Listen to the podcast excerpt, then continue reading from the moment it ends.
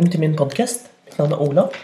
Og på denne podkasten forteller jeg eventyr, fortellinger og historier for barn og for andre som liker eventyr. Og i dag I dag tenkte jeg å ta deg med til et kinesisk folkeeventyr.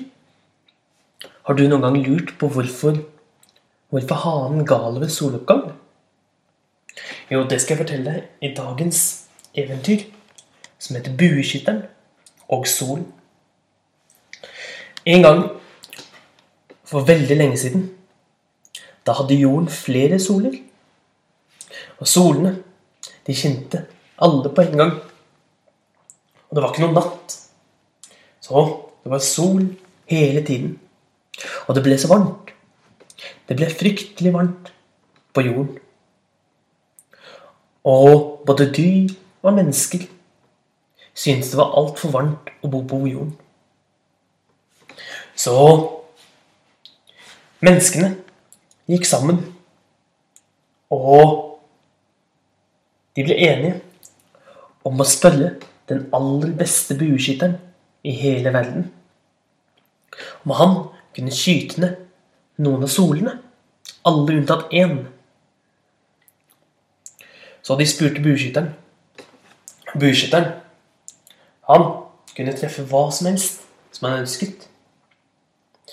Og når han hadde hørt forslaget deres, så sa han ja. Han sa seg villig til å skyte ned solene, alle unntatt én.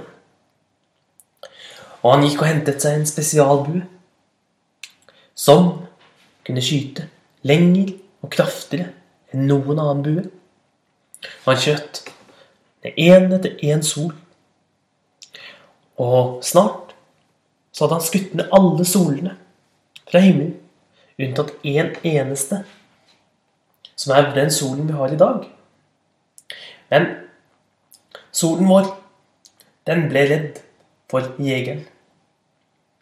Og den gjemte seg bak et stort fjell og nektet å komme fram. Først så jublet alle folkene, for nå ble det kaldt og godt på jorden. Og eh, dyrene ble veldig glade.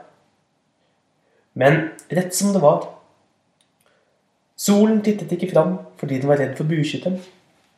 Så det ble kaldere, og det var stadig mørkt, slik at ingenting kunne vokse.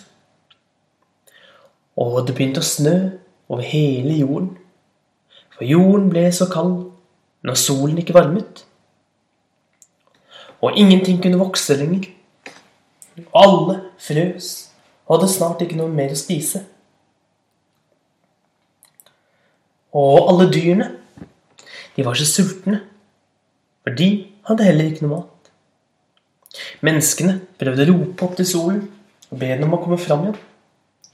Men solen ble redd for menneskene, fordi det hadde vært et menneske som hadde skutt ned de andre solene, og trodde at slikt ville gå med han også.